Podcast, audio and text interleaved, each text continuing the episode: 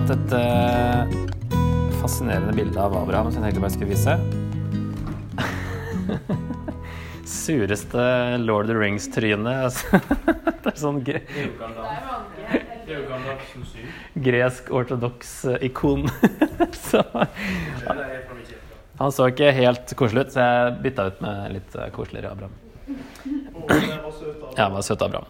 Så det er jo det neste, De store personene er jo Abraham, Isak, Jakob. Og så er det de tolv sønnene til Jakob som blir stamfedre til de tolv stammene. Som blir liksom folket Israel, da. Um, så ut fra Babel så velsigner Gud igjen da og gir en ny sjanse ved å utvelge Abraham. Eh, folkene som bygde Babels tårn, de ville skaffe seg et navn, sa de. Men Gud ville gjøre Abrahams navn stort i stedet. Gud som liksom bestemmer hvem som får seg et stort navn. Så blir Abraham middelet til å velsigne hele verden og få oss alle tilbake til Edens hage, hvor Gud velsignet menneskene for første gang i 1.22. Alle de onde menneskene som flere ganger ødelegger skaperverket, og som virker som de ødelegger Guds plan og hele veien, men Gud finner alltid en løsning og velsigner hele veien. Men Abraham er heller ikke feilfri og prøver f.eks. å gi bort Sara to ganger til andre menn for å redde sitt eget skinn. Men Gud er trofast og inngår en enveispakt med Abraham. Så leser den i kapittel 15. Det er en sånn rar historie om at eh, Abraham faller i en dyp søvn. Og eh, etter at han har gjort som Gud har sagt, da, tatt noen dyr og delt dem i to og lagt dem overfor hverandre som en sånn, en sånn eh, gang, på en måte, å gå For vanligvis når man inngikk en pakt, så gikk man mellom sånne oppdelte dyr. Eh, og så var det liksom et symbol på at eh, hvis du bryter pakten, så kan den andre kutte deg i to, nærmest, sånn som alle de dyrene. Men det som skjer, at når Gud, Abraham har liksom forberedt dette her, eh, så faller Abraham inn i en dyp søvn, og så eh, står det i vers 17, i 15-17 En rykende ovn kom til syne, og en flammende fakkel for mellom kjøttstykkene. Den dagen sluttet Herren en pakt med Abraham og sa, Din ett gir jeg dette landet, fra Egypterelven helt til storelven Eufrat. Så her er det Gud altså så enveispakt. da, Det er bare Guds nåde. Som, altså Abraham har egentlig ingen forpliktelser i den pakten. her, Det er bare Gud som har valgt han ut, og som da er den eneste som går imellom disse oppdelte dyrene. Så det er bare Gud som på en måte um, har en pakt å holde med Abraham. Abraham bare får det. Um, og han blir i Nytestamentet så er han på en måte hovedeksempelet på en som ble rettferdiggjort av tro, da, som det står i 15.6. Abraham trodde Herren, og det ble regnet ham til rettferdighet. Det siterer jo Paulus mange ganger. Og alltid når Abraham dukker opp i Nytestamentet, så er det fordi han hadde tro. Selv om han vakler litt, han òg, tviler litt og ler av Guds løfter og sånne ting. Men, eh, og det der med at han sier til Sara 'si at du er søstera mi', liksom. Og de er jo for så vidt halvsøsken, eller noe sånt. I tillegg så er det liksom en sånn halvsannhet. Men eh, ikke si at vi er gift, for da kan det hende at han dreper meg for å ta deg. og sånne ting. Så to ganger så gjør han det. Men likevel så er han liksom et eksempel på en som har tro, fordi han ble rettferdiggjort av tro. Og det betyr ikke at man er feilfri, og at man alltid tror like hardt. Men at eh, Gud har rettferdiggjort deg fordi du trodde og hadde tillit til Gud. da. Likevel så går det an å, være litt ustø.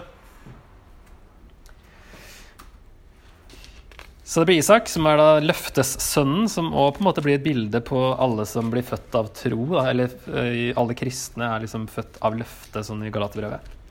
Som Isak var. Født på en overnaturlig måte. Eh,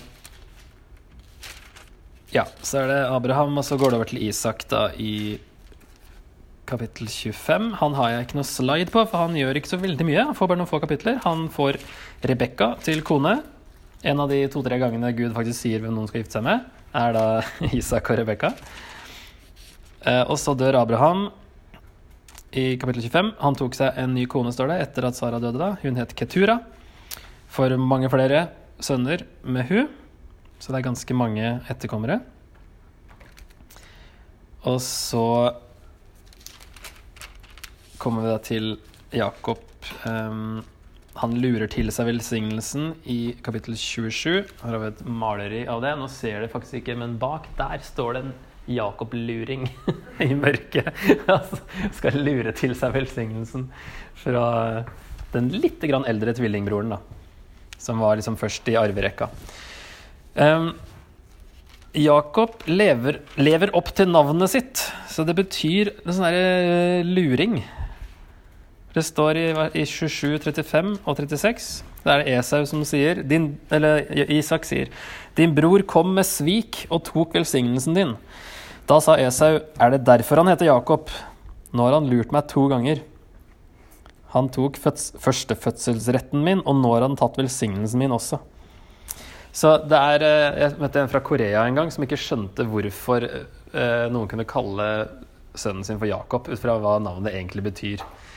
Eh, jeg lurer på om du skal se en fotnote i da de ble født, for det står eh, Det kan også bety 'den som griper ved hælen', står det. Og han, det var det han gjorde i 25-26.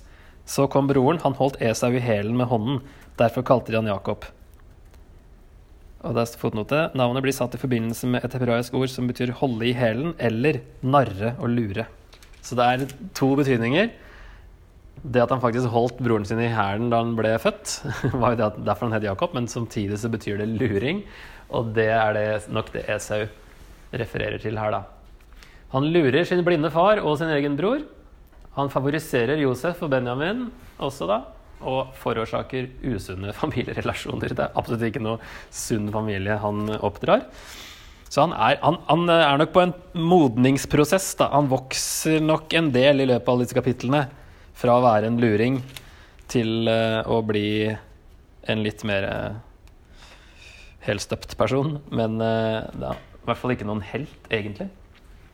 Så det er jo fortsatt bare av nåde. Sønnene hans er heller ingen forbilder. Faktisk blir Juda arvingen, selv om han er nummer fire, fordi Ruben, Simon og Levi mister arveretten. Fordi de gjør et eller annet eh, ganske ille, da. Så det er faktisk nummer fire som er den som blir liksom eh, stamfar til David og Jesus, da, Juda. Men på tross av gjentatte feiltrinn og synd er Gud trofast. Jakob slåss med Gud i kapittel 32. Dere husker kanskje den historien? En veldig rar historie, det òg. At han slåss med en mann hele natta og sier 'Jeg gir meg ikke før du velsigner meg'. Han krever en velsignelse. Det får han. Og også et nytt navn, Israel som betyr Gud kjemper, eller kanskje Gud holder ut. det, er, det, kan være det også, faktisk, for det er litt sånn merkelig navn han får. Altså, han har jo slåss med Gud i løpet av hele natta. Så derfor han liksom Ja, Gud kjemper, derfor Gud har kjempa eller du har kjempet med Gud, står det. Derfor skal du få dette navnet, skal vi se, 32 Jakobs kamp, står det. så det er også sånn merkelig. Ut av ingen sted så kommer det liksom Jakob var alene tilbake, og en mann kjempet med ham helt til det grudde av dag. Bare sånn Plutselig en mann, og de slåss hele natta. Da mannen så at han ikke kunne vinne over ham, ga han Jakob et slag over hofteskålen, så hoften gikk ut av ledd mens de kjempet. Og han sa, 'Slipp meg, for morgenen gryr'. Men Jakob svarte, 'Jeg slipper deg ikke uten at du velsigner meg'. 'Hva heter du?' spurte mannen. 'Jakob', svarte han. Da sa mannen, 'Du skal ikke lenger hete Jakob, Israel skal være navnet ditt, for du har kjempet med Gud og mennesker og vunnet. Da ba Jakob, si meg navnet ditt. Han svarte, hvorfor spør du om navnet mitt? Og han velsignet ham der. Jakob kalte stedet Peniel, for jeg har sett Gud ansikt til ansikt og enda berget livet. Så Peniel betyr Guds ansikt. Men det er en veldig rar historie. Det kommer en mann, og de slåss, og plutselig ut av ingen steder så er det en slåsskamp hele natta. Og på, altså, han vinner, liksom. Han ville vunnet over denne mannen her. Og så sier han til slutt at dette er Guds ansikt jeg har sett. Så det er eh, en, også en sånn historie der vi ikke får så veldig mange detaljer. Men det er i hvert fall han får navnet Israel, da. Um, men uh, det kan, rent grammatisk kan det òg bety Gud holder ut. og det har han jo gjort til nå, i hvert fall. Holdt ut med de folka her. Uansett hvor troløse de er. Ok, Og så tar vi til slutt Jakob, så tror jeg vi rekker det Nei, Josef, mener jeg. Det er Josef. 37-50. Nå er det jo sånn avbrudd allerede i kapittel 38. Etter at historien har begynt, så er det plutselig denne historien om Juda og Tamar. Og det er kanskje for å minne oss om at vi egentlig følger Juda sin slekt, men at Josef er en nødvendig avstikker for å forklare hvordan Juda sin slekt overlevde. For Det er veldig rart at det hele tatt er med, men også rart at det kommer akkurat inni her når vi akkurat har begynt på Josef-historien. Um, det er på vei liksom ned til Egypt at uh, den historien kommer. da. På den tid dro Juda bort fra brødrene sine. Det er forståelig kanskje at det skjer akkurat der, da. Uh, mens uh, Josef er på vei ned til Egypt. Men resultatet av den historien er to tvillinger som blir født. Og den ene blir da den som tar slekta videre. Så derfor er jo den historien med i det hele tatt. For det er en ganske rar historie med at Juda han har ingen uh, arving. Uh, begge sønnene hans har, blitt, uh, har dødd. Og så er det ene svigerdattera som kler seg ut som en prostituert og lurer Juda. Det er ikke sånn veldig forbilde, det heller. Så får de en unge, da. Eller to tvillinger. Og så altså liksom, ok, hvorfor, hvorfor skal vi vite det her?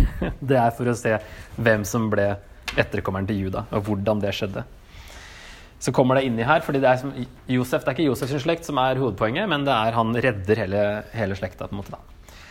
Og her er det da at Gud er med i kulissene og snur det onde til noe godt. Som det står i 50 vers 20. Dere tenkte å gjøre ondt mot meg, men Gud tenkte det til det gode, for han ville gi liv til et stort folk, slik vi ser i dag. Så det, for å ta de kapitlene veldig uh, fort, da, så da, for så vidt Josef-historien slutter kanskje litt før kapittel 50, men Josef lever i hvert fall til kapittel 50. Eh, og det er siste kapittelet. Så når vi kommer helt til slutten, en avslutning og oppsummering av Første Mosebok En veldig rask en som jeg lagde i stad. Det er sikkert mye mer som kunne vært sagt. Men eh, Gud velger så å si aldri den eldste sønnen til å ta Messias-slekta videre. Det er liksom interessant. da. Han velger jo Seth, ikke Kain eller Abel. Han velger Isak, ikke Ismail. Jakob, ikke Esau. Juda, ikke Ruben, Simon eller Levi. Og David etter hvert, da. Han var jo nummer hva da? åtte, eller noe sånt? Den aller yngste. det er nesten konsekvent at Gud ikke velger den som naturlig ville vært den som tok slekta videre. da. Det er for så vidt eh, liksom, Hvem som velger hva her med Jakob og Esau, kan man jo lure seg på da, når Jakob er en luring som, eh, som lurer til seg de greiene her. Eh, ja, Gud velsigner selv om menneskene går på trynet eller gjør opprør. Menneskene gjør ondt igjen og igjen, men Gud gir nye sjanser. Så ser Adam, og så er det en ny sjanse med Noah, en ny sjanse med Abraham, en ny sjanse med, med Jakob eh, og Josef for så vidt òg. Så um, hele veien så er det Gud som holder i sin egen historie flytende. Boka slutter med at det er blitt 70 personer i Egypt. Det står i 46-27. Og så er det et frampek mot utgangen. De to siste versene peker mot andre Mosebok, som nok er sentrum av Mosebøkene. Så det er en sånn lang opptakt til andre Mosebok. Da. Så på slutten står det eh, vers 25. Josef tok Israels sønnene i ed og sa, når Gud ser til dere, da skal dere føre knoklene mine med herfra. Så døde Josef 110 år gammel. De balsamerte ham, og han ble lagt i en kiste i Egypt. Men han sier at de skal ta med seg knoklene hans ut av landet en dag. Så blir det veldig mange når vi plutselig bladde om til andre Mosebok. Så er det jo blitt eh, så mange at egypterne begynner å skjelve. Og da begynner vi liksom å nærme oss den at det har eh, gått eh, blitt et stort folk. da. Én slide igjen, og ser vi litt over tida. Men bare for å se hvor vi har sett Jesus liksom, i første Mosebok, så er det jo dette her i 3.15 om at en, en, av kvinnens ett skal ramme slangens hode. Som eh, vi får litt sånn hint om i Galaterne 4.4, i Romerne 16.20 og i Åpenbaringen 12. Eh, velsignelsen til hele verden i 12.3, den sies tydelig i Galaterne 3 at det var Jesus. Og så er det en Melkisedek, som vi ikke var innom, da, men han eh, dukker opp i kapittel 14. Han er en viktig person i hebreerbrevet, i flere kapitler der. Um, og det kan vi jo ta en annen gang, men uh, der er det jo et bilde på Jesus da, i hebreerbrevet. Himmelstigen den nevner Jesus i Johannes 1, 51. Han sier at eh, det er han som er himmelstigen. Jesus, som eh, får folk opp til Gud. Og så er det den profetien som eh, eh, Jakob har over Juda da, i kapittel 49, når han sier at det skal komme en konge fra Juda. Så i åpenbaringen 5.5 så kalles jo Jesus for eh, løven av Juda. Så det er jo den Både David da, som første kongen av Juda, og så Jesus var den største kongen av Juda.